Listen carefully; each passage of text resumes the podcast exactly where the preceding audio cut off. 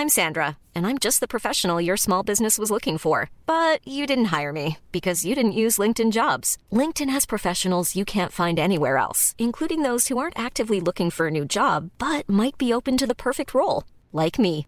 In a given month, over 70% of LinkedIn users don't visit other leading job sites. So if you're not looking on LinkedIn, you'll miss out on great candidates like Sandra. Start hiring professionals like a professional. Post your free job on linkedin.com/people today.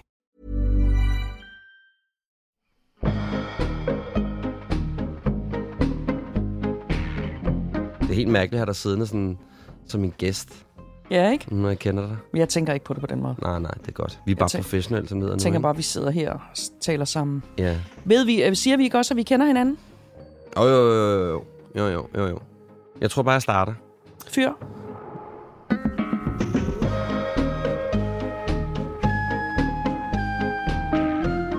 Christine Feldhaus, Ja. det er dig. Yep. Velkommen. Tak. Altså, jeg tænkte på, hvis der nu var en anden, der sidder i Seest, som ikke kender dig, kunne du så ikke lave sådan en lille introduktion af dig selv? Hvordan Jo. vil du sådan introducere Jo. dig selv? Det kunne jeg godt. Ja. Øhm, jeg hedder Christine Feldhaus, og jeg er, hvis man ved, hvem jeg er, så vil man formentlig kende mig fra tv. Øh, jeg har lavet mange forskellige ting på tv, primært for Danmarks Radio de sidste 20 år. Alt fra Kender du typen?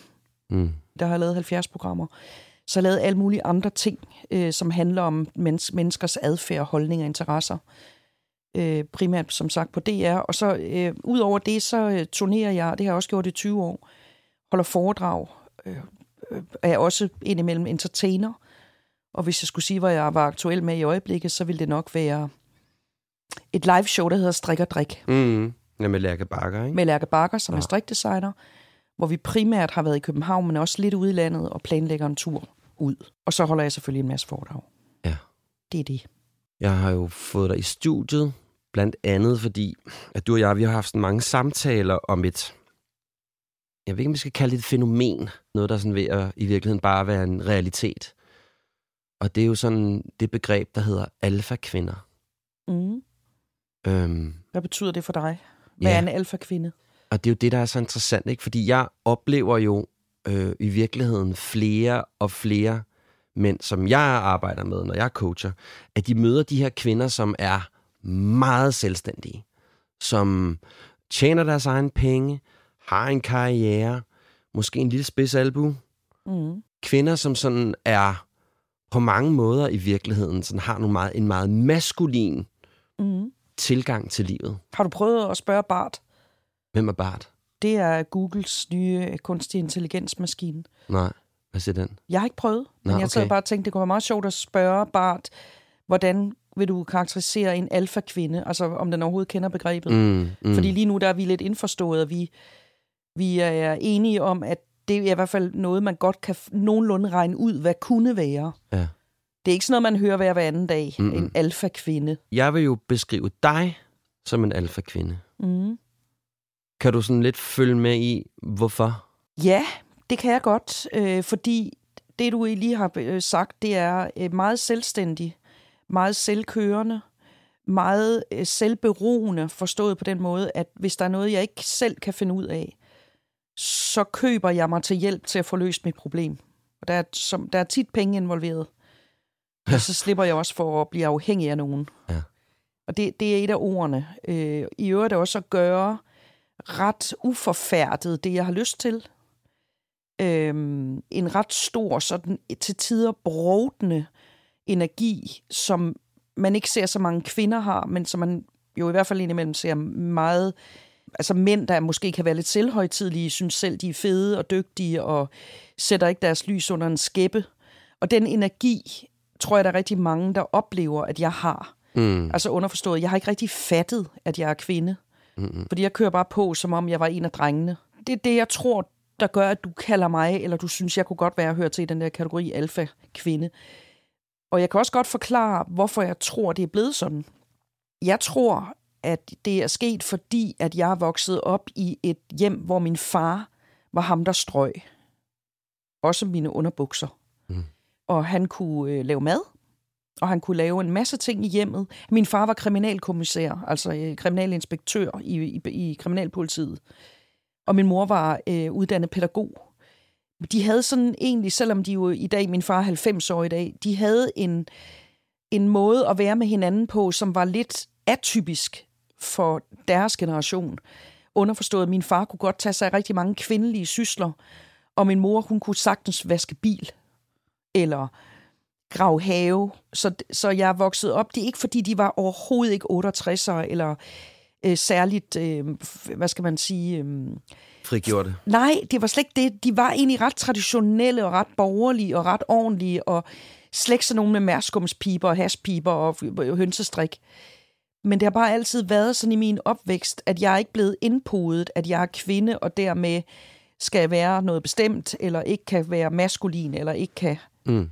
Så der tror jeg, det er blevet grundlagt. Øh, og så tror jeg, det er blevet meget accentueret af, at jeg øh, har haft en karriere i reklamebranchen, hvor jeg ret tidligt fandt ud af, at jeg ville være direktør. Og det kan jeg huske, jeg ringede hjem og sagde til min far, jeg vil være direktør. Og så sagde han, ja, selvfølgelig vil du det. Og det var sådan en pejlepunkt, som gjorde, at hvis man skulle det, altså vi er tilbage i 1985, da jeg kommer ind i reklamebranchen, mm der er ikke ret mange kvindelige direktører i noget som helst, der handler om noget med kommunikation og reklame. Så det går jo op for mig, at hvis jeg skal det, så er jeg nødt til at, at, at øh, hvad skal du sige, nu siger jeg det lige ud, konkurrere med mændene. Ja. Og hvis man skal blive en af direktørerne i en mandlig direktion, så konkurrerer du med mænd, og så konkurrerer du på mænds betingelser på det tidspunkt. Men øh, jeg tænker bare sådan, det er det vel på mange måder stadigvæk, er det ikke det? Jo, men jeg tror, nu er jeg jo ikke, øh, du ved, inde i direktionsgangene i unge virksomheder, men jeg har en oplevelse af, at vi har jo fået meget mere øh, ligestilling i den mm. periode, der er gået. Vi har fået mange flere kvinder i bestyrelser, selvom vi stadigvæk ikke har så mange. Vi har fået flere kvindelige ledere, vi har fået mange flere kvinder ind i øh, i hvert fald højere poster, end de havde i 1985. Så det er blevet mere øh, sædvanligt, at man har nogle, nogle meget mere sådan mangfoldige ledelsesstrukturer i danske virksomheder. Jeg er med på, at der kunne sidde nogen og høre det her og sige, at det er ikke rigtigt. Jo, i forhold til reklamebranchen i 85 er der mange ja. flere piger. Øh, men det var der ikke dengang, så derfor så, så var det ligesom ikke, du ved, jeg kunne ikke, jeg kunne ikke alliere mig med nogen af mit eget køn og sige, nu skal vi lave en lille gruppe, og så skal vi gøre det på den feminine måde. Så jeg, jeg har simpelthen bare aldrig rigtig gået den vej. Jeg har aldrig, jeg har aldrig, aldrig rigtig tænkt over det. Mm-hmm. Jeg tror egentlig bare, at jeg havde det der mål om, at jeg kunne godt tænke mig at være direktør. Så gør jeg bare det. Mm. Og så må det være på de betingelser, der gælder. Men det gør jo også, at man tager meget farve af det. Altså man tager meget farve af meget ekspressive mænd, når man har været sammen med ekspressive mænd hele sit liv. Så det, det, er, det er helt sikkert noget, der har været med til at farve mig. Og så en far, som i virkeligheden har supporteret min ambitiøsitet og min lyst til livet på den lidt vilde klinge. Mm. Og hver gang jeg har sådan sagt et eller andet, nu kunne jeg tænke mig at gøre sådan og sådan, så har han altid bare sagt, selvfølgelig. Ja. Så han har ligesom ikke trukket mig over i, at jeg skulle være lidt mere feminin i min stil, eller lidt mere tilbageholdende, eller måske lidt mere usikker, eller, eller blød, eller sårbar, eller mange af de der ord, som vi i gamle dage brugte om kvinder, som man ikke må sige mere. Det har jeg bare aldrig, det er aldrig blevet uh, trænet i. Hvordan reagerer mænd, når de møder dig? Øh, det er meget forskelligt, øh, men jeg har en, en oplevelse af, at nogle gange, når jeg møder mænd, i, om det er i fagligt arrangement, om det er, når jeg går på vinbar, eller på cigarbar, eller hvor jeg befinder mig henne, når jeg kommer ind, og jeg er i det der øh, lidt høje eksplosive hjørne, så lægger jeg faktisk tit mærke til, at de tager et trin tilbage, hvor jeg tænker, kan jeg vide, om jeg har dårlig ånde? Det har jeg så spurgt om. Det, det, det drejer sig om, det er ikke det. Det er, at min energi, den er så voldsom, så de nogle gange synes, at de, de er nødt til lige at træde et skridt tilbage, fordi det virker så massivt ja. kommer tit ind med et ordentligt grin på, og larmer også lidt, taler også lidt højt, øh, kommer med bryster, brysterne og de store forrest. Og det kan sgu godt virke intimiderende. Mm. Øh, og det er ikke noget, vi sådan taler om, men jeg kan se deres kropssprog, at når jeg træder et skridt frem, så træder de et skridt tilbage. Jeg ved ikke, om ordet spydspidser rigtigt, men du er sådan en, en af de OG's for mig, sådan, øh, der er altså sådan rigtig alfa, alfa-kvinde, mm. ikke? Og det, jeg synes, der er enormt spændende, det er, at jeg oplever, at de mænd, jeg taler med om, når de møder en kvinde, som er meget selvstændig, de går fuldstændig baglås. Mm. Altså, de ved simpelthen ikke, hvad fanden de skal gøre. Hvad tror du, det handler om? Jamen, jeg er lige ved at spørge dig, fordi det er jo sådan set dig, der... Altså, det er jo dit køn, der går i baglås. Ja. Øh, jeg, jeg kan godt komme med et svar på det. Men, men, men hvad, altså, kan jeg ikke lige få dig på jo. banen? Hvad, hvad tror jo. du, det handler om? Altså, hvad er det for en følelse, det vækker i dig? Nu kender du jo mig. Ja Og vi har ligget på græsplæner og drukket hvidvin og kigget op i stjernerne. Vi har lavet bål på stranden, og vi har gået lange ture. Vi har en meget afslappet forhold til hinanden. Så jeg tænker, du har fået det nivelleret ud, Ja. fordi du har set så mange sider af mig. Men hvad er det, hvis du, kan du sådan, da du møder mig første gang, hvad, hvad tænker du?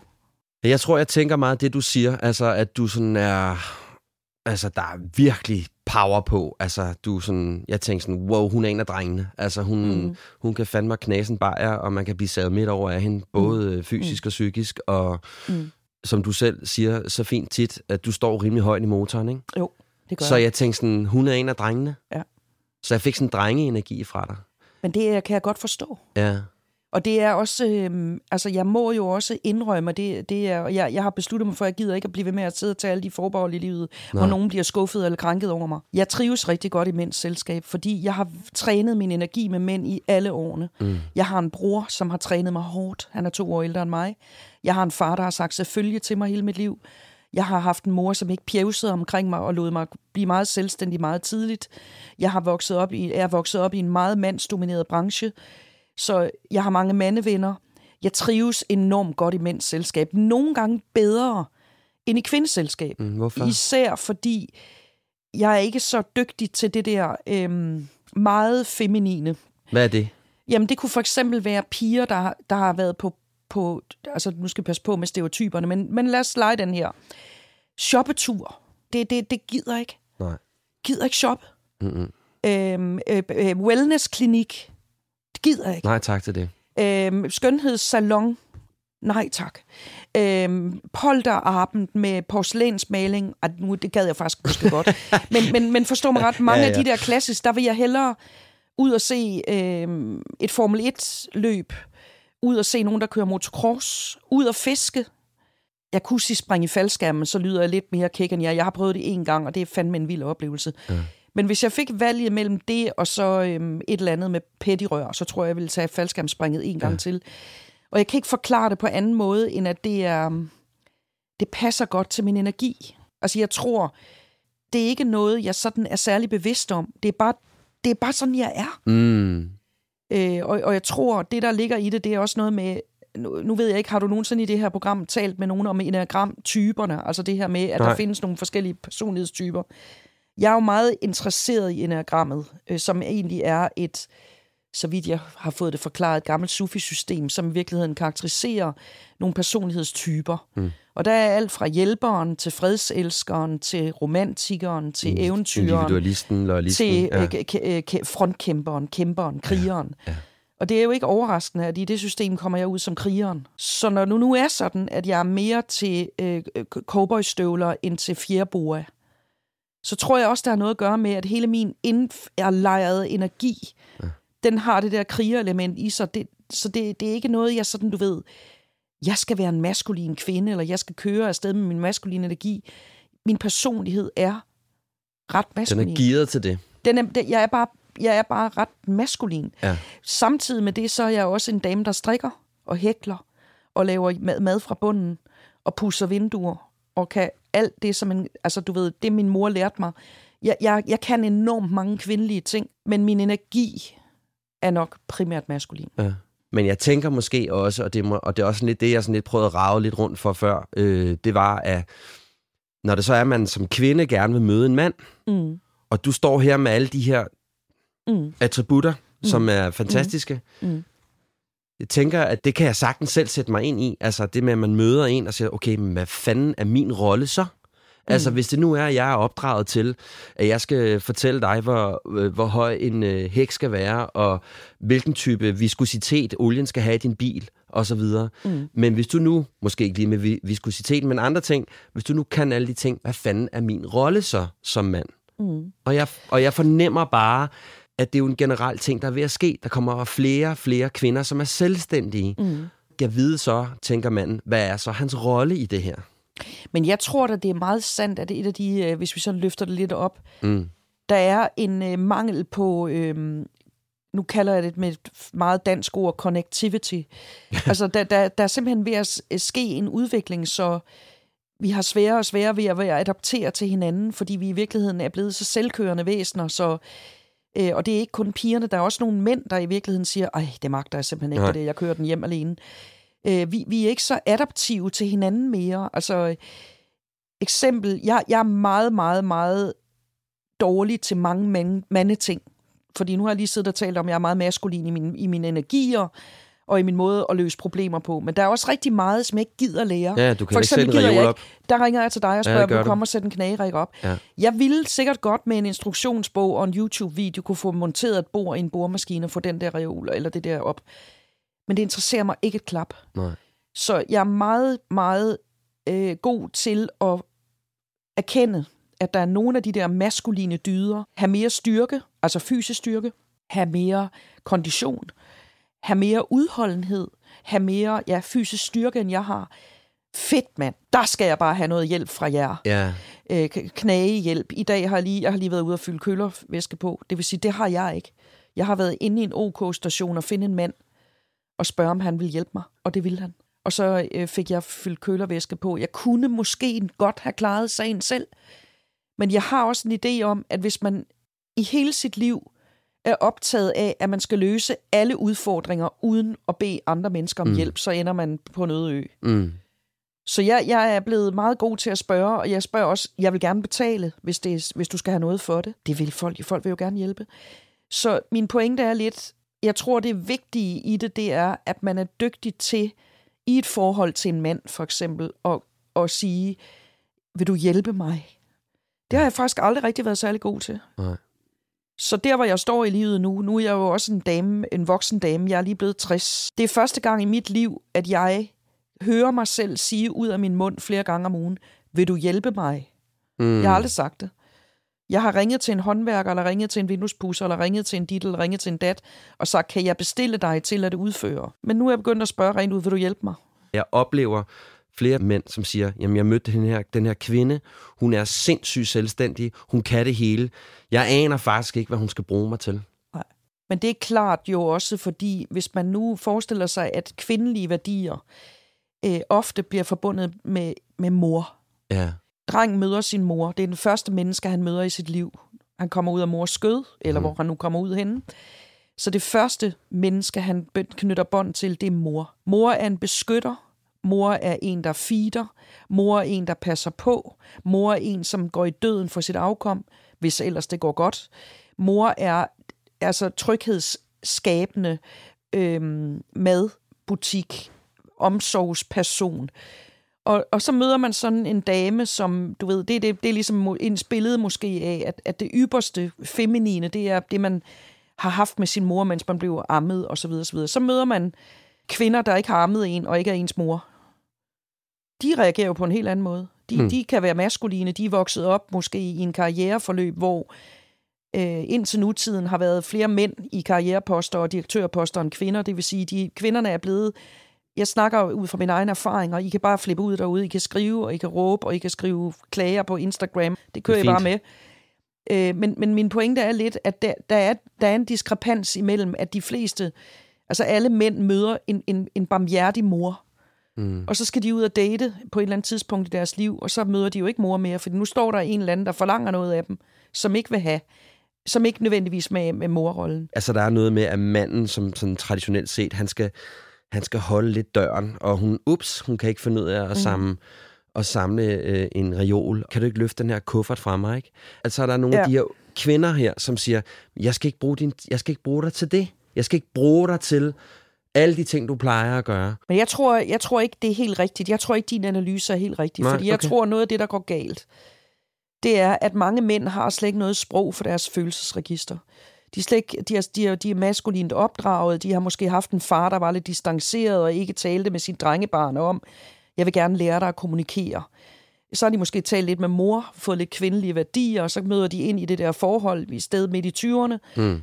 Og har ikke noget sprog for at sætte sig ned og sige til damen, for eksempel, hvis hun nu har lidt stærk udstråling, øh, ved du hvad, vi to skal lige blive enige om, hvad, det, hvad, hvad kan du godt lide hos dig selv, og hvad er du dygtig til, og nu skal jeg fortælle dig, hvad jeg er dygtig til, og hvad jeg godt kan lide hos mig selv. Mm. Så kan vi handle.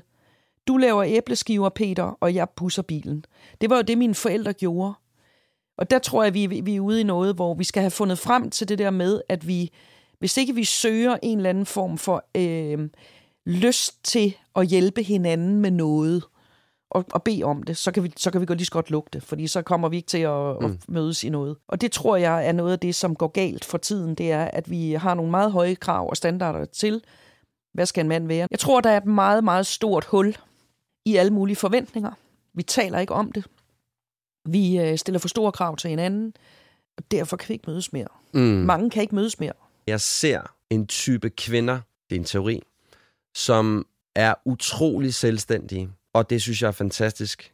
Mm. Den måde, som de er til på i verden, ud fra de idéer om, hvad et forhold skal indeholde, maskulin og feminint, at det hele kommer lidt på glat is, fordi alle de ting, hun i virkeligheden skulle have brug for hos ham, har hun ikke brug for.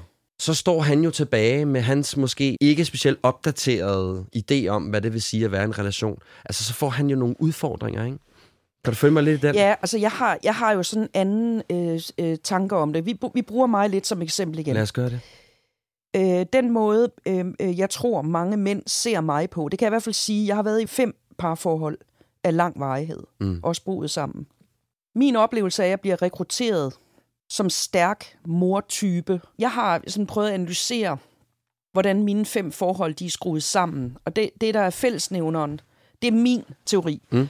Det er, at jeg, jeg bliver taget, fordi jeg udstråler, at der er trygt og sikkert og penge nok og styrke. Mm. Og det vil man gerne have over hos mig. Ellers vil man nemlig ikke have mig. Øh, og det er det, det, jeg synes, der er meget interessant. Det, det har jeg ikke knækket koden til, men jeg har meget tit tænkt på, at jeg tror, at nogen, der føler, at de inde i sig selv har brug for nogle styrkepunkter, ja. som de ikke selv har fået fyldt op. Det er det, de søger i en mage.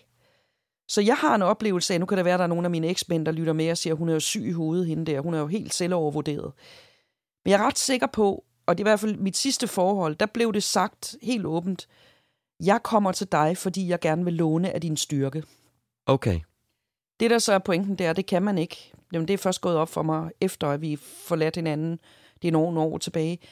Man kan faktisk ikke låne af hinandens styrke. Man kan kun bygge sin egen styrke. Men så langt, så godt. Øh, det, der er pointen, det er, at jeg bliver simpelthen valgt, fordi jeg er stærk. Okay. Og fordi jeg har nogle, øh, hvad skal du sige, sådan nogle ret handlekraftige egenskaber. Så det, den mand, måske ikke er blevet fyldt op med i sit eget kar, det bliver han fyldt op med over hos mig. Balladen er jo bare så, hvad bliver jeg så fyldt op med? Ja. Der har vi balladen, fordi hvis ikke der er en eller anden balance i det der, så ender det med, at den handlekraftige styrkeposition bliver en ny, jeg ved ikke om jeg kan sige øh, alfa-hund i et andet menneskes liv. Ja. Og det kan man ikke holde ud. Nej, lad mig rephrase. Ja det kan jeg ikke længere holde ud. Mm. Jeg kan ikke være en alfa-hund i mænds liv. Jeg er nødt til at bede mændene om at være øh, stærke i sig selv, fordi ellers kommer mm. jeg på overarbejde. Så hvad er det, du så i virkeligheden har brug for hos en mand? At han har en styrke, som gør, at jeg ikke skal øh, over og rode derover, hvis du forstår, hvad jeg mener. Altså balancen i, at der står to styrkepositioner over for hinanden, øh, han kan noget, jeg ikke kan, så vi hjælper hinanden. Hvad er det, jeg, hvad er det han ikke kan? Nå, hvad for, er det, eksempel, han kan? Øh, for eksempel er der jo sådan nogle, vi har været lidt inde om det, det er jo enormt pinligt at skulle sidde og sige kølervæske og, og, og, og, og tagpap. Mm. Men, men sådan noget, det er håndværksagtigt noget, det er jeg virkelig ikke særlig mm. god til. Øh, det, jeg bliver så lykkelig, når en mand kommer med en bord. Du kom selv ud og satte en knærække op. Det tog dig fire minutter, og jeg har strikket en sweater til dig. Det tog fire uger. øh, men, men, men jeg er lige så glad for den knærække, som du er for din sweater. Ja du tog 10 minutter, jeg brugte fire uger. Men den transmission, der ligger i, at jeg rent faktisk godt kan bede dig om at hjælpe mig med noget, det er, øh, det er meget stor kærlighed for mig. Mm. Og det vil også være et forhold. Hvis der kommer en mand og siger, nu skal jeg hjælpe dig. Øh, nu hjælper jeg dig lige lidt med, og vi skal op på fjerde sal. Du, jeg tager lige poserne. Altså, jeg har dig nu. Jeg hører, hvad du siger. Yeah. Du ser træt ud. Vil du have et glas vin? Altså alt det der med at kunne øh, hjælpe mig, så jeg kan komme i kontakt med min hvad skal du sige, ikke så handlekraftige side. Mm. Der tror jeg, der, der er noget, der svigter. Fordi hvis du, hvis du går med mig på min teori, at jeg er et fyrtårn, som typisk tiltrækker nogen, som har brug for lidt styrke og lidt handlekraft og lidt ro og lidt rytme og lidt regelmæssighed og lidt tryghed, mm. så kommer de for at få det måske. Så bliver jeg sådan en, der gør og leverer det. Men hvor går jeg hen? når jeg har brug for, at der er nogen, der er handlekraftige, har styrkepositioner, kan holde mig, kan tage mig, mm. kan være bogstøtte for mig. Læn dig bare tilbage, jeg har dig. Når man indtager sådan en position i sit eget liv, hvor man er meget stærk og selvstændig, mm. og tager ekstremt meget ansvar for mm. hele verden udenom, mm. altså sådan mm. i, i det her alfa-kvinde-regi, ikke? Mm. det har også en pris. Det har det 100 procent. Ja. Altså, jeg kan sige det sådan, at jeg går i terapi i mit liv nu, fordi jeg simpelthen er nødt til at beskytte den lille inde i mig. Altså jeg har, jeg tror de fleste mennesker kender tanken om, at man har to personer, der taler med hinanden inde i sig selv. Mm. Inde i mig, der er der lille Christine og store Christine. Store Christine, det er hende med styrkepositionen og handlekraften, og hvis vi har et problem, så har jeg løst problemet, inden der er nogen, der overhovedet har opdaget, at vi har et problem, så har jeg fundet løsningen på det. Den lille den bliver ikke rigtig hørt. Den får at vide, at den skal holde sin kæft. Og den lille, det er måske den lidt mere sårbare, den lidt mere eftertænksomme, den, der siger, jeg er træt nu.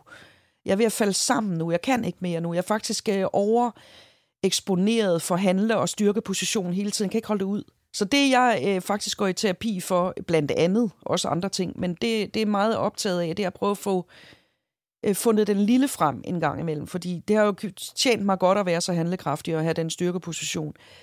Men der er en flipside, og det er, hvad, hvad gør vi med den, der altid får at vide, at den skal tige stille? Som er den lidt, lidt blødere, og den, der har brug for hjælp. Så du hjælp. har lukket lidt ned for den side af dig selv? Øh, det har simpelthen øh, haft så travlt i mit liv med, med alle mine ambitioner og alt mit gakkeløjer. Så jeg har simpelthen bare sagt til den lille, ti stille. Og den lille, hun vil frem nu.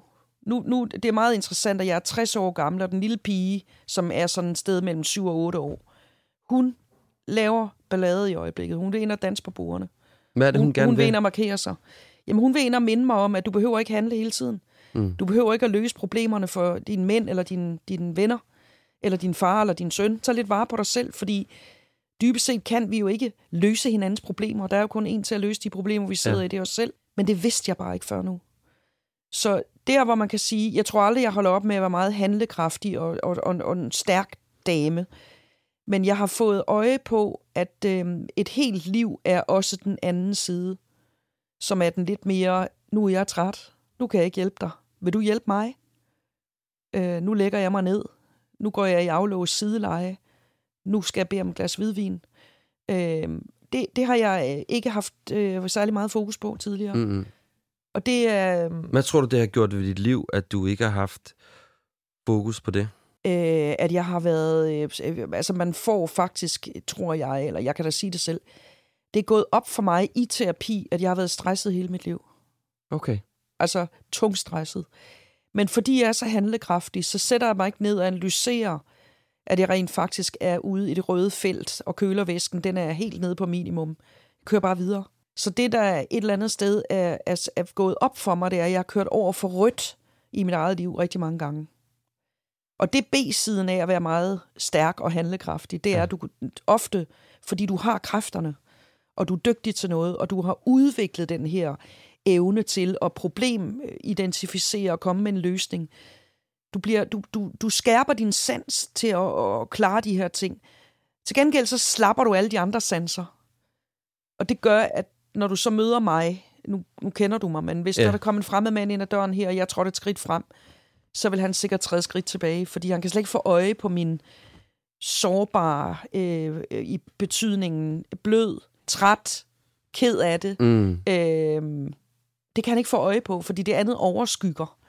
Og så ser man jo ikke hele personen. Så det er det, jeg synes, der er interessant at prøve at få fat i. Jeg tror ikke, det kommer til at ændre mig radikalt, men det kommer til, at jeg kommer til at sige ud af min mund, det kan godt være, at du ser mig som en alfa-kvinde, men alfa-kvinden har halv fridag i dag. Så du må fikse det selv. Jeg kan ikke hjælpe dig ja. lige nu.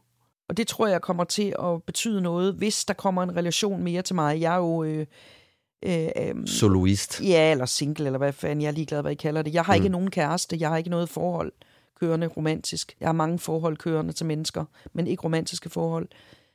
Øh, og hvis det skal finde sted i mit liv, så er det nummer 6, jeg skal i gang med.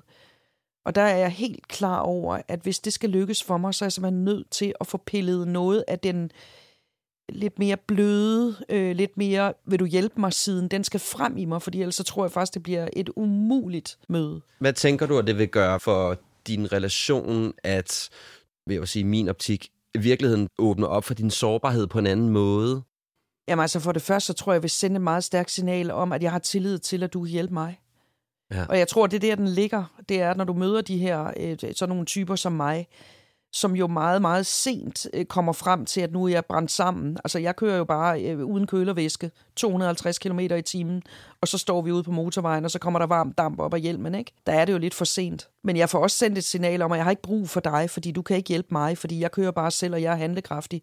Så du, jeg har ikke tillid til, at du kan hjælpe mig, og det er ikke særlig fedt at være i en relation, hvor man får sendt et signal om, at øh, jeg er så selvstændig, så du kan ikke komme ind med noget her. Mm. Og det tror jeg er en af grundene til, at det går galt for mange. Ja. Og jeg tror, hvis vi løfter det op til andre end mig, øh, nu bruger vi bare mig som spydspids i det her, øh, det, evnen til at tale med hinanden om det her. Jeg tror, der er rigtig mange parforhold, der slet ikke taler om de ting, vi sidder og taler om nu, og i virkeligheden heller ikke har bevidstheden på sig selv. Mm. Altså, øh, hvis du for eksempel bare stillede spørgsmål til din partner, hvad er, den, hvad er det karaktertræk hos dig selv, du aller, aller bedst kan lide? Det tror jeg ikke, der er mange, der snakker om. Hvad er det karaktertræk ved dig selv, du aller, aller mest har brug for hjælp til at løse? Det tror jeg sgu heller ikke, man gør. Du lytter til Handkøn, en podcast om at genfinde mandens identitet. Jeg vil gerne tilbyde dig at blive klogere på dig selv, tage et mere bevidst ansvar for dig og dit følelsesliv, og ikke mindst blive den bedst mulige partner i din relation. I mit nyhedsbrev giver jeg dig enkle råd og håndterbare værktøjer, der er lige til at gå til og er lette for dig og din partner at træne. Du får også specielle tilbud og invitationer direkte i din inbox. Tilmeld dig ved at bruge linket i show notes eller via min Instagram-profil Handkøn.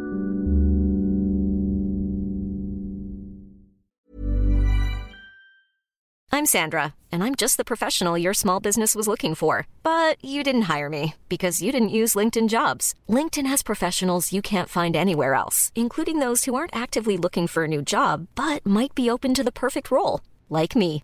In a given month, over 70% of LinkedIn users don't visit other leading job sites. So if you're not looking on LinkedIn, you'll miss out on great candidates like Sandra. Start hiring professionals like a professional. Post your free job on linkedin.com/people today. Ryan Reynolds here from Mint Mobile. With the price of just about everything going up during inflation, we thought we'd bring our prices down. So to help us, we brought in a reverse auctioneer, which is apparently a thing. Mint Mobile unlimited premium wireless. Ready to get 30, 30, bit to get 30, bit to get 20, 20, 20, bit to get 20, 20, bit to get 15, 15, 15, 15 just 15 bucks a month. So, Give it a try at mintmobile.com slash switch. $45 upfront for three months plus taxes and fees. Promo rate for new customers for limited time. Unlimited more than 40 gigabytes per month. Slows. Full terms at mintmobile.com.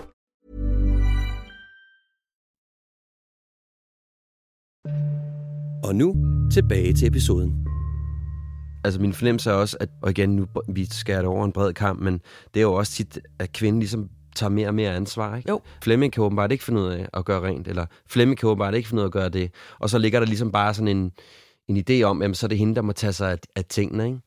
Jo, men der kan jeg jo så sige noget meget sjovt, fordi jeg har jo sådan i en periode boet sammen med min voksne søn. Mm. Og vi har nogle meget, meget spændende samtaler om det her, fordi han er 27, og jeg er 60. Og som han siger, jeg vil gerne hjælpe dig, mor, men jeg kommer til at hjælpe dig, når det passer mig. Så du kan godt bede om nogle helt konkrete opgaver, du gerne vil have hjælp til, men du kan ikke også diktere, hvornår det skal foregå. Hvilket jeg egentlig synes er et meget okay kompromis. Ja. Hvis du kommer og sagde til mig, jeg vil gerne bede dig om at gå ud og vaske bilen nu, så vil jeg sige, at jeg vil gerne vaske bilen, inden jeg går i seng i aften, men det kan ikke blive lige nu, for jeg laver lige noget andet. Så hvis vi også indimellem kunne prøve at skrue lidt ned for det der med bare at sige, vil du hjælpe mig med det her? Du bestemmer selv, hvornår du gør det. Men hvis det kan blive inden på søndag, det er altså som seks dage, så kan vi jo finde ud af det. Så jeg tror altså også, der er nogle damer, der, der indimellem må prøve at leve lidt med, at selvom de synes, de er projektledere i hjemmet og, og stadigvæk står med hovedansvaret for det hjemlige, det gør de, det kan vi se i alle statistikker, det kunne jeg også godt sidde og teoløse i, men det ved vi, at mm. kvinderne er stadigvæk primære ansvarshavende i de private hjem. Der tror jeg altså også, man kunne komme langt med, at noget af det, man selv har svært ved som kvinde, det er, det skal være på min måde, for jeg er den mest organiserede. Jeg er den, der har bedst styr på det. Det er mig, der ved, hvordan vi gør. Det kan da godt være. Men hvis det er et benspænd for den anden hele tiden, det er som om, man får et dybt stød til leveren over, der sidder en eller anden og skal bestemme, hvad der skal ske, og hvornår det skal finde sted. Det er sgu ikke særlig motiverende. Mm-hmm. Der tror jeg også godt, vi kunne tage lidt fat. Fordi- Men dybest set ja. handler det hele vel om, at vi ikke kommunikerer øh, lige godt Altså, nogle mænd kommunikerer, de har ikke et særlig godt sprog for, de, hvad de egentlig er, der Nej, foregår de er inde i i det.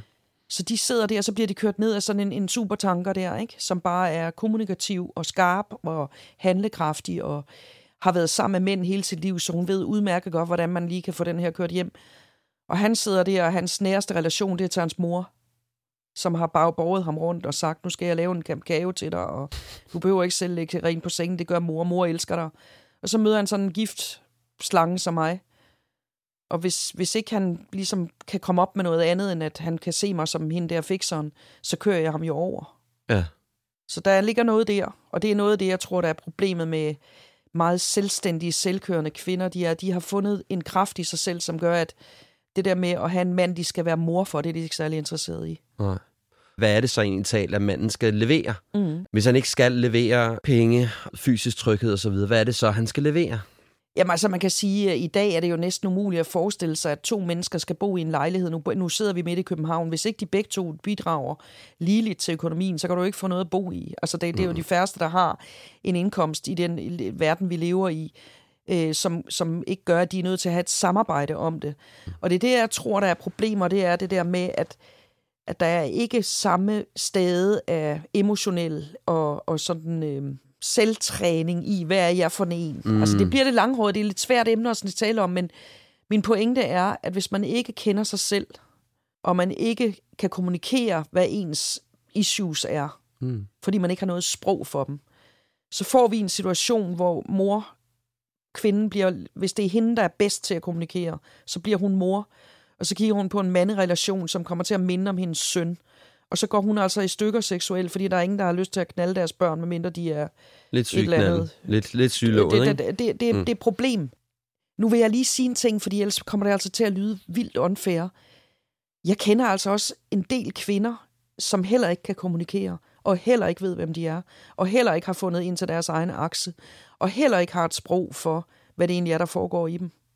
Så det er faktisk ikke kun noget, jeg vil sige, at det er mændene, der er dårlige til det der. Der er mange kvinder, der også er dårlige. Jamen, det er også sådan, jeg oplever det. Så, så det er bare for at sige, at vi, vi skal Ja. ja. passe på, at vi ikke er efter de drenge der Ja, hele ja. tiden, fordi der er, altså jeg vil sige, at min søn, han er så refleksiv, så han er mere refleksiv end de fleste kvinder, jeg kender, selvom de er ældre og alt muligt andet. Det må bevares. Så det er sgu noget med, om man gider arbejde lidt med det selv. Det sad jeg og tænkte lidt over, mens du talte før, ikke? at hvis du så har to mennesker, som på en eller anden måde ikke rigtig ved, hvordan fanden de så skal tale om, hvad det, deres nye roller er så, ikke? Altså hvis du har en mor, rollen i situationstegn, som siger, ja. kan du for helvede ikke lige vaske det der op, eller hvorfor gør du ikke det der, når jeg har bedt dig om det? Og han sidder der, og måske ikke sådan helt lige præcis ved, hvad han skal gøre, men han kan i hvert fald mærke, at det, der foregår, det er ikke særlig rart. Så han trækker sig bare ind til Netflix-alderet, ikke? Jo. Jamen, der er noget der, hvor at vi bliver sgu nok nødt til at tale lidt om måden, vi er sammen på, Ja. Hvor at den måde, vi ansvarsfordeler i relationen, det bliver vi nok nødt til at lave om på, ja. Fordi hun, igen citationstegn, er altså på vej et andet sted hen, end hun var for et, eller andet, for et stykke tid siden. Og det er han også desuden. Mm. Jeg savner lidt den der fælles kommunikation. Det, det synes jeg simpelthen, at man er nødt til at have respekt for. Ja. Øh, jeg, altså jeg, jeg synes, en god måde at se det på, det er, hvis det nu var det modsatte. Hvor han siger til mig, kan du ikke lige øh, logge på mit skat og lige lave en forskudsopgørelse, det skal være lige nu. Så vil jeg sige, jeg vil gerne logge på og lave din forskudsopgørelse, men det bliver, når det passer mig. Men der er nogle gange sådan et eller andet, du ved, øh, sådan noget kommandocentral der, som gør, at man faktisk ender i en konflikt, i stedet for at sige, hvad er det egentlig, han siger? Han har lige sagt ja til at hjælpe. Så, så lad os holde fast i det. Og der ligger noget der, som jeg tror, der er, der er meget magtkamp i det nogle gange også. Ikke? Hvem vinder den her kamp? Mm. I stedet for at sige, vi, vi skal jo løse det her sammen. Det er skidesvært. Parforhold, det er noget af det sværeste. Altså, det er jo... Jeg tror, det er Jytte Vigelsø, der bruger øh, udtrykket, parforhold er et højhastighedstog til selvudvikling. Ja. Fordi alle de konflikter, der findes i ens liv, de ligger inde i parforholdet. Man bliver virkelig kørt med 350 km i timen ind i alt det ond, mest ondskabsfulde, der findes. Mm. Jalousi, magtbegær, dårlig kommunikation, øhm, alt, alt det, der ligger i parforholdet, det er noget af det, hvis man, hvis man kan det, så er man fandme nået langt i livet. Ja. Fordi der er følelser, og der er erotik. Altså, man kan jo bedre finde ud af, hvis man bliver kaldt til samtale på Novozymes af HR-direktøren, der siger, at du skal arbejde lidt med din façon, ellers får du ikke nogen bonus. Nå, okay, men så kan jeg godt lige gå hjem og arbejde lidt med det. Men det er ligesom om i et parforhold, der kan man tro, man kan tillade sig alt muligt. Uddannet adfærd, øh, råben og skrigen, øh, mangel på respekt for sin partner. Og det er en af grundene til, tror jeg, at vi har svært ved at finde sammen i dag og, og, og få det til at køre. Det er fordi vores dannelse, nu siger den gamle dame på 60 en masse her, men jeg har en oplevelse af, at vores dannelse den er på vej direkte ned i afgrunden. Og hvis ikke vi har dannelsen i et parforhold, så kan vi i hvert fald ikke få det til at hænge sammen. Fordi Prøv, prøv lige at definere for mig, hvad, hvad, hvad dannelse er dannelse for dig. er øh, i min verden, at man har en vis pli og, og evne til at lytte til, hvad modparten siger, og sige, ved du hvad, lad os lige øh, tage det helt stille og roligt. Jeg hører lige, hvad du siger, så hører du lige, hvad jeg siger. Det kan ikke blive på mine betingelser hele tiden. Det kan ikke blive efter devisen mere mig og mindre 1. maj.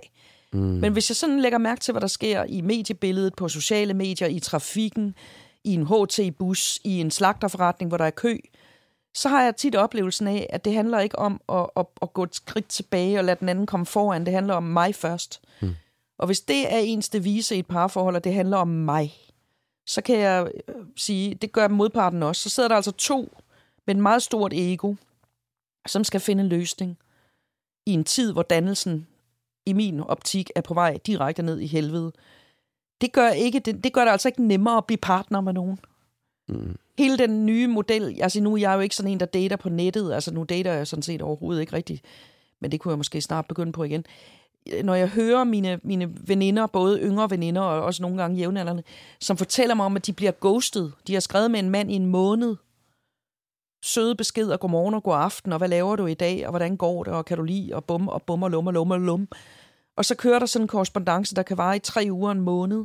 Og lige pludselig fra den ene dag til den anden, der bliver de ghostet. Så holder alt korrespondancen op. De bliver blokeret, eller deres navn bliver slettet, eller hvad der er, der sker. Hvor jeg sidder og tænker, hvad fanden har vi gang i, mand? Mm. Er det, er det sådan, det er? Er det, er, det, er det the name of the game, at vi vil ud og vise hinanden øh, begejstring, kærlighed, erotik, øh, samvær, vise vores allerinderste jeg, og så kører vi altså en model, hvor vi, hvor vi efter, hvor vi har bladet en lille ballet hen over gulvet, for at nærme os hinanden, og få et intimt liv med hinanden måske, og så bliver vi ghostet. Mm. Det, det der, det angst æder sjæle op. Det der, det er, øh, tror jeg, super skadeligt for at få lyst til at prøve igen. Og jeg tror også virkelig, jeg også skulle tænke mig at, at lave et, et afsnit om det på et tidspunkt, fordi jeg forstår altså hele den der Tinder-del, hele den der måde at være på i en relation, hvor... Ja. Altså, jeg har jo hørt om øh, både mænd og kvinder, hvor de fortæller, øh, at, at de har været ude, og så siger den ene sådan, men jeg synes, det går rigtig godt. Ved du, jeg, jeg cancellerer lige de to andre dates, jeg også havde. Mm. Ja, hvad for noget? Mm. Ja, når jeg havde lige to andre, du ved. Mm. Der er jo ingen sårbarhed i det, der er ikke noget empati Nej. i det. Altså, og der er heller ikke det er plads farligt. til... Altså, jeg har nogle mandevenner, øh, også kvindevenner, men jeg har nogle mandevenner, som fortæller mig, at de kommer til jobsamtale, når de har fået på et eller andet medie, så møder de en eller anden Soleima, Ja. og så skal de til jobsamtaler. Det første, de bliver spurgt om, det er, hvor gamle de er. Det næste, det er, om de har børn. Det næste, det er, om de har et ordentligt forhold til ekskonen. Og så kører de det som om, at man var til sådan et, du ved, øh, et, et, et McKinsey-interview om en eller anden mellemlederstilling et eller andet sted, mm. hvor jeg sidder og tænker, øh, hvordan, hvordan skal der nogensinde opstå en eller anden form for øh, interesse i et andet Ja. menneske, hvis vi kun skal sidde og kigge på, hvor høj er du? Er du velhængt? Er din numse lidt for stor? Du er lidt for tyk. Ja, det kan vi jo tabe dybest set. Det var det var det nemmeste at gøre. Altså, jeg, jeg synes, det er blevet nærmest sådan, når jeg hører om det, så, så sidder jeg og tænker, jeg kan fandme godt forstå, at vi har svært ved at finde hinanden. Mm. Fordi vi har fået instrumentaliseret det der på en måde, så alt, øh, bare sådan glæden ved at sidde her sammen med dig, den går i fløjten, hvis jeg sad og sagde til dig, hvor gammel er du, hvor mange børn har du, hvor langt har du til arbejde? Altså du ved, sådan gang, gang, gang, gang, gang, gang. Sådan jobinterview, fy for fanden, mm. Mm. Frygteligt. Hvis du nu kunne øh, tage tilbage til 1985 i en eller anden hjemmelavet, øh, hjemmestrikket tidsmaskine, Mm. Hvad fanden vil du så sige til dig selv, da du stod der og skulle til at være direktør for det hele? Hvad har du lært? Øhm, det vil kræve, at tiden var ændret, øh, hvis jeg må sige det sådan, fordi den, den vej, den, den, den karrierevej, hvis man nu skal kalde det det, Mm. den var meget, meget funderet på meget maskuline øh, ledelsesstrukturer i hele kommunikations- og reklamebranchen. Så det kunne jeg nok ikke have gjort så meget anderledes. Øh, jeg vil hellere sige, øh, hvad, vil jeg, øh, hvad vil jeg lave om nu? Ja, okay. Hvad vil jeg gøre i nuet? Fordi fortiden er jo kørt. Den kan jeg ikke lave om. Yes.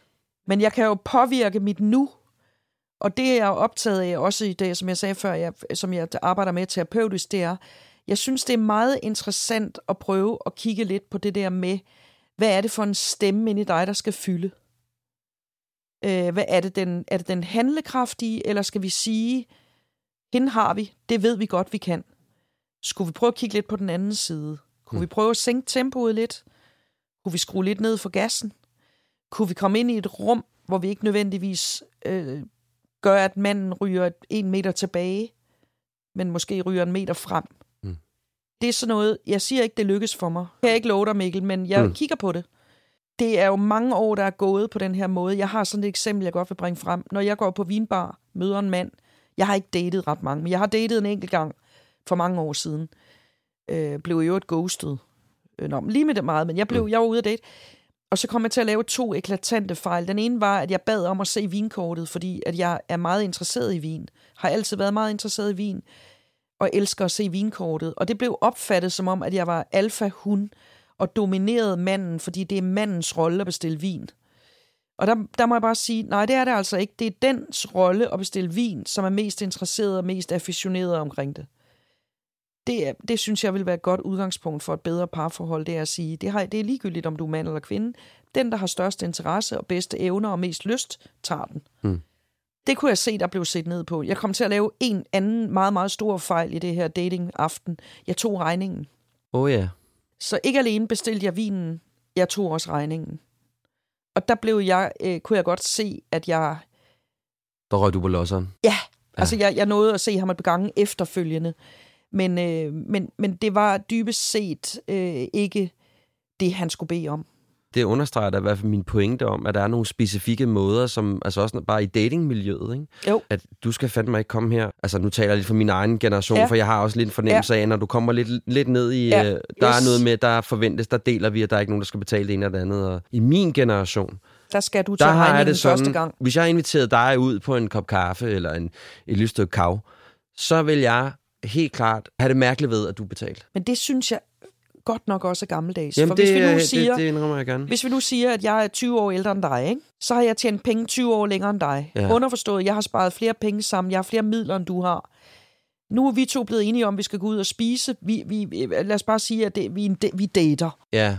Øh, jeg ved, at jeg har, jeg har flere penge, end du har. Mm. Øh, fordi jeg kan regne det ud sådan rent matematisk, fordi jeg har været 20 år længere på jorden. Ikke? til det. Men øh, øh, bare ja. for at sige det, så synes jeg da ikke, det er urimeligt, at jeg har øh, bedre forudsætninger for at tage regningen, end du har. Hvad, hvad, skulle, hvad, skulle, øh, hvad skulle problemet være i det? Altså hvis vi nu snakker om ligestilling, og at lige kønnen er lige meget værd, ja. Så synes jeg godt nok, jeg har hørt rigtig mange kvinder sige det samme, at hvis manden ikke tager regningen de første tre gange, så er hun slet ikke interesseret, for så har han ikke røv i bukserne.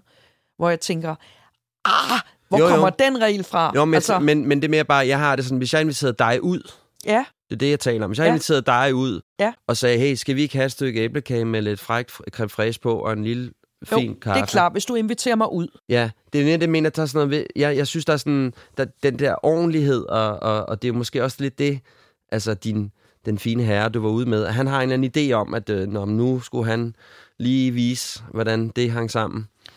Ja, eller også så mødte han en kvinde, som han tænkte, ikke alene er hun handlekraftig og har en styrkeposition og en akse, der står sådan rimelig lige midt i solar plexus, og ved, hvem hun er, og øh, er okay tilfreds med sig selv. Ikke alene det. Nu tager hun kraftet med os vinkortet og regningen. Og så står vi der, hvor vi startede den her samtale. Hvor skal jeg ind hen med noget her? Præcis.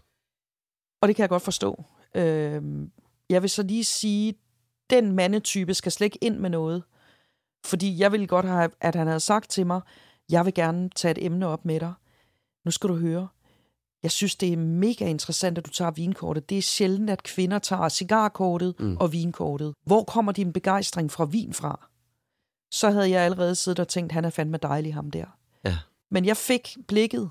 Jeg fik fordømmelsen, der hedder, du tog vinkortet. Underforstået, du skar et stykke af min diller af. Den type mand har ikke styrke nok til at være sammen med mig. Nej. Så han er ude. Men manden, der siger, hvor kommer din, hvor kommer din store veneration for vin fra? Ja. Der er jeg i gang. Ja, eller man kunne sige, ved du, jeg må sgu om, jeg er jo, jeg har jo den opfattelse af, at øh, når jeg er ude, så det er jo mig, der skal betale, og nu betaler du, det kan jeg mærke, det her det, det er helt vildt mærkeligt, men, men det, det der er også interessant, altså du ved, at man er åben for... Det vil jeg for... elske, og jeg vil sige, ved du hvad, vi kan gøre det på lige den måde, du gerne vil. Jeg har ikke noget stort ønske om at smide 2500 kroner for en gang aftensmad. Nej. Jeg synes bare, at nu havde jeg valgt vinen, og jeg havde valgt en vin til 800 kroner. Så tager jeg selvfølgelig også regningen, fordi hvis man er så øh, vild med vin, som jeg er, og man vil have frit lejde i vinkortet, så synes jeg, det er stygt at sidde og vælge en vin til 875 kroner, og så forvente, at manden skal tage regningen bagefter. Ja, så man kan ikke både bestemme vinen, og så også tørre nej. regningen af på manden.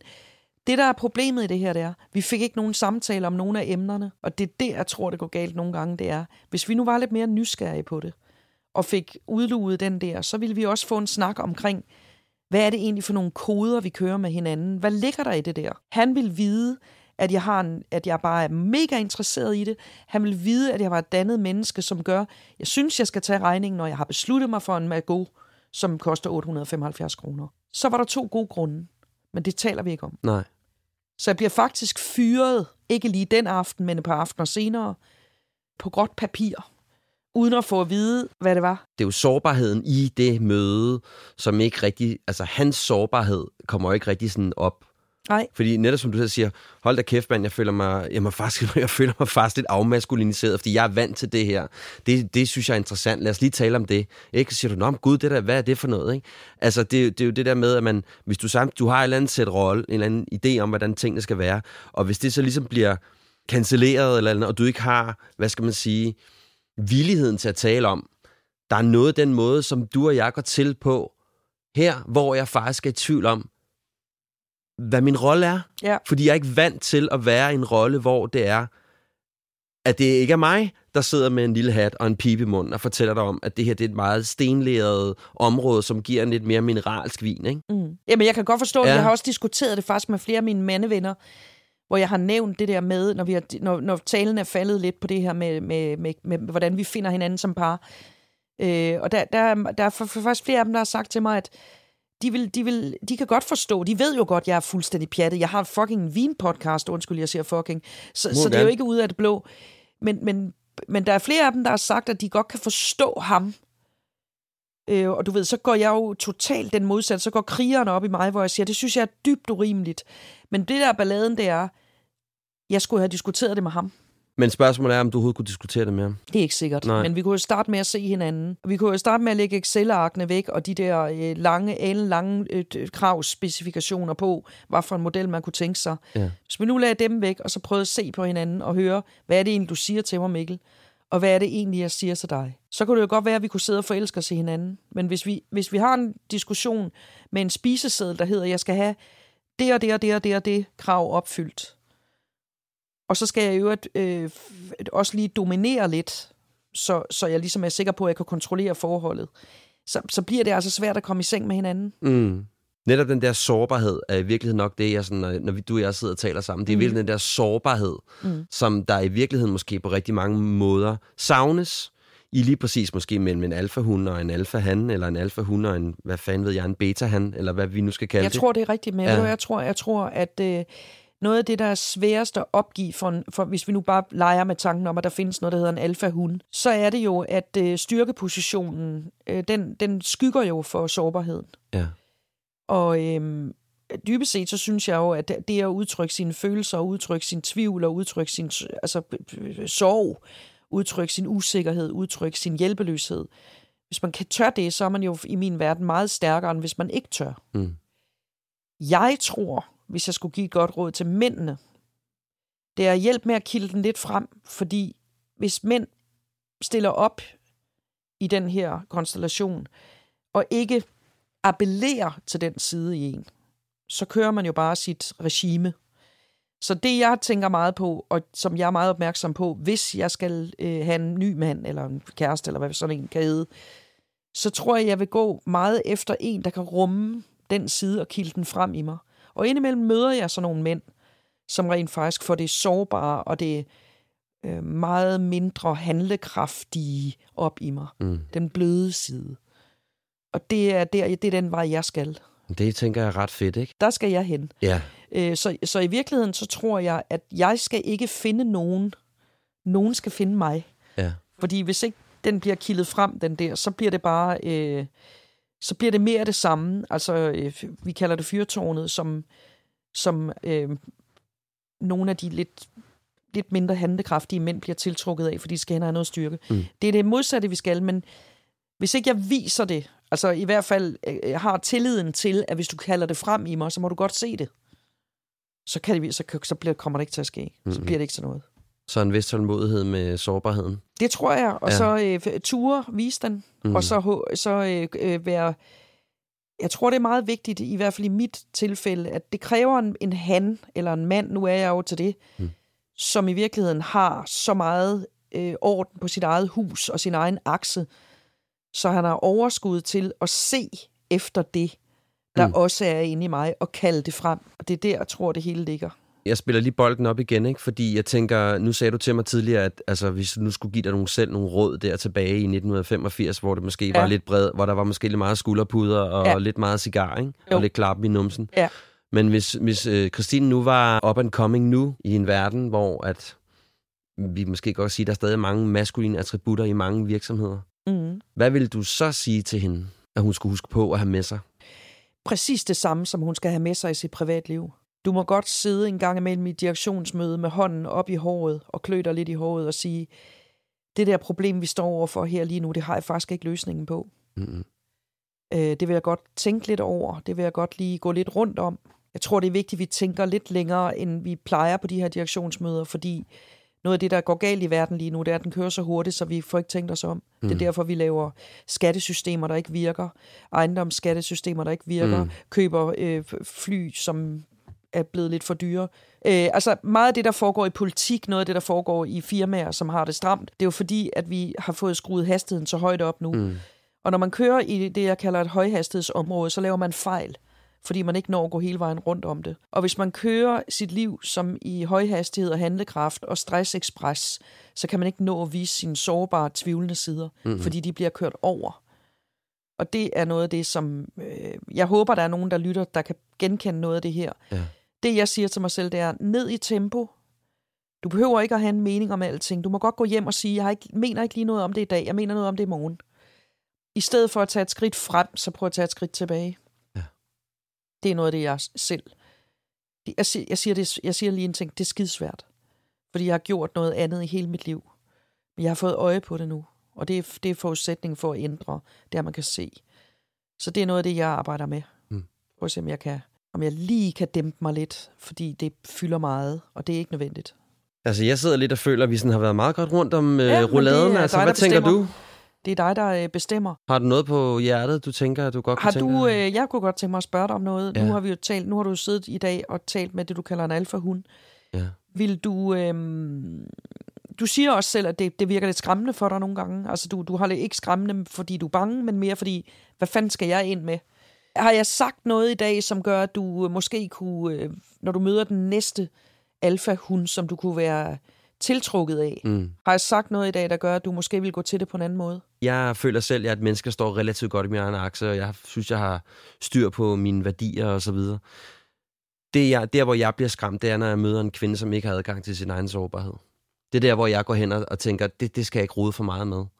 Altså, når, når du og jeg sidder og taler sammen, så er det jo enormt spændende at høre om, men det er jo virkelig også det, du lidt taler om, det er at jamen, have adgang til den her sårbarhed, adgang til den her del i dig selv, der handler om at sige, jeg har sgu ikke styr på alting. Jeg har sgu også måske brug for nogle gange lige at putte mig op i en lille armhul og få et lille glas sherry og lige at blive lidt dækket dækket. Altså ikke fordi du, at det nej, handler om, nej, du skal være... det kan jeg love dig for. Altså, altså det kan jeg love dig for, ja, jeg har brug for. Altså, og det er at, også det, jeg vil gå efter. Altså en ordentlig fordi, fordi jeg har bjørn. Så, ja, en, bjørn, en brun bjørn. Jamen altså det ja. synes jeg er det bedste, det er at blive smidt ned i hundekurven. Men tilbage til dig. Men, men, øh, du, fordi, nej, du siger lige noget, ja, jeg er nødt til at stoppe ja, dig, fordi du siger, en kvinde, som ikke har adgang til sine sårbare sider, mm. der går du en stor bue udenom. Ja, der bliver jeg i hvert fald bekymret. Jeg, jeg provokerer lidt. Giv den gas. Kan du godt mærke, at jeg har en masse sårbare sider inde i mig? Ja, det kan jeg meget tydeligt. Så du ved godt, at jeg har dem? Ja.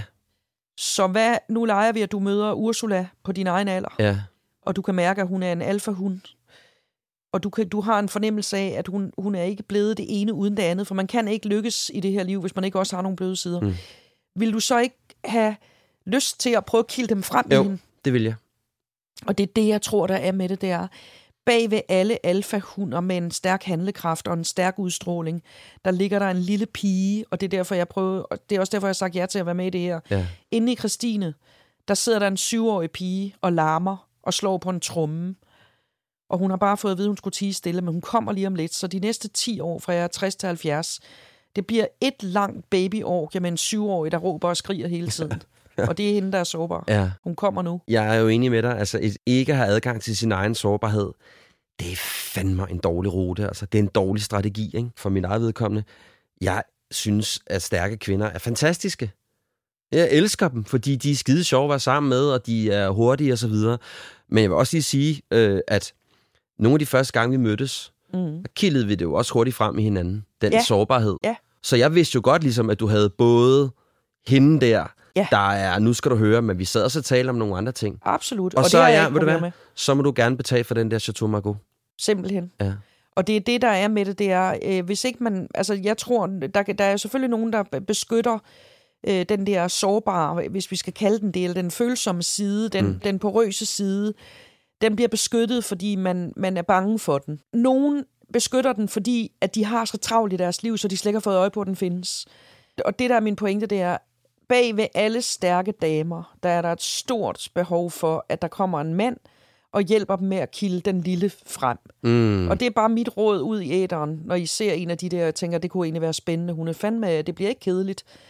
Vid, at inde i hende bor der en lille, skrigende syvårig, som vil have alt for meget lavkage, slå på en tromme hele tiden og råbe og skrige.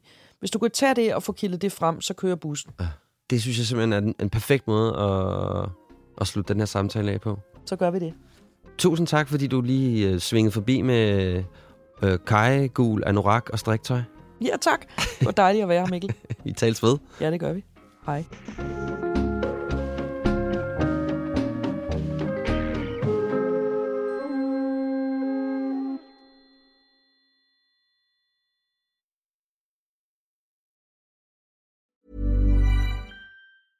Hey, it's Danny Pellegrino from Everything Iconic. Ready to upgrade your style game without blowing your budget? Check out Quince. They've got all the good stuff shirts and polos, activewear, and fine leather goods, all at 50 to 80% less than other high end brands. And the best part? They're all about safe, ethical, and responsible manufacturing. Get that luxury vibe without the luxury price tag. Hit up quince.com slash upgrade for free shipping and 365 day returns on your next order. That's quince.com slash upgrade.